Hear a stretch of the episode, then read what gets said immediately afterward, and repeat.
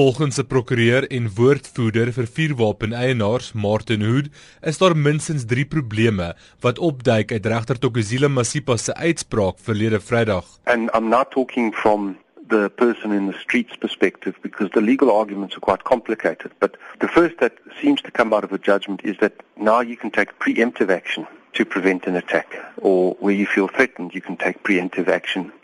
Whereas the law up until now basically said that there must be an attack, it must have started, or it must be about to have started.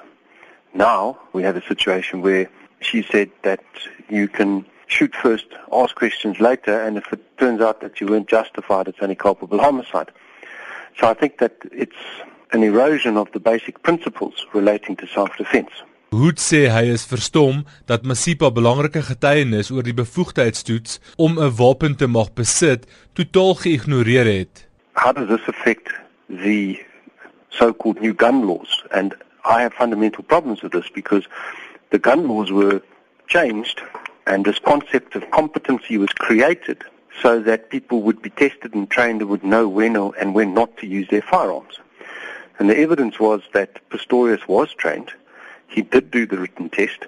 He did pass it, and he was questioned on not only the issues relating to self-defense and when you can and cannot shoot, but also possession of ammunition.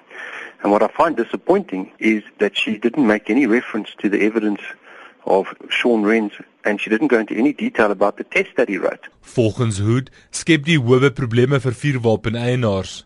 As a consequence of that, I think first of all, the fact that she did not make reference to competency documentation is disappointing because that is what it was intended for. It was intended to prove that somebody would know when they can and cannot shoot. And it may have the unintended consequence that in the light of the public uproar, the government may decide to make competency requirements more strict.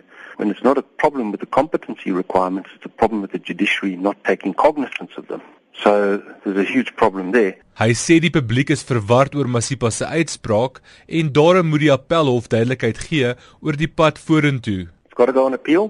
We need clarity not only in terms of her judgment. I find her judgment confusing. I'm on record as saying that I was shocked by it. I've just read it. I find it confusing. I find that there's legal principles that have been mixed up and I don't think that she's properly interpreted the facts. And it's quite obvious that I think that this area of law is very important and it's important in the context of intimate partner violence. It's important in the context of what society wants and expects.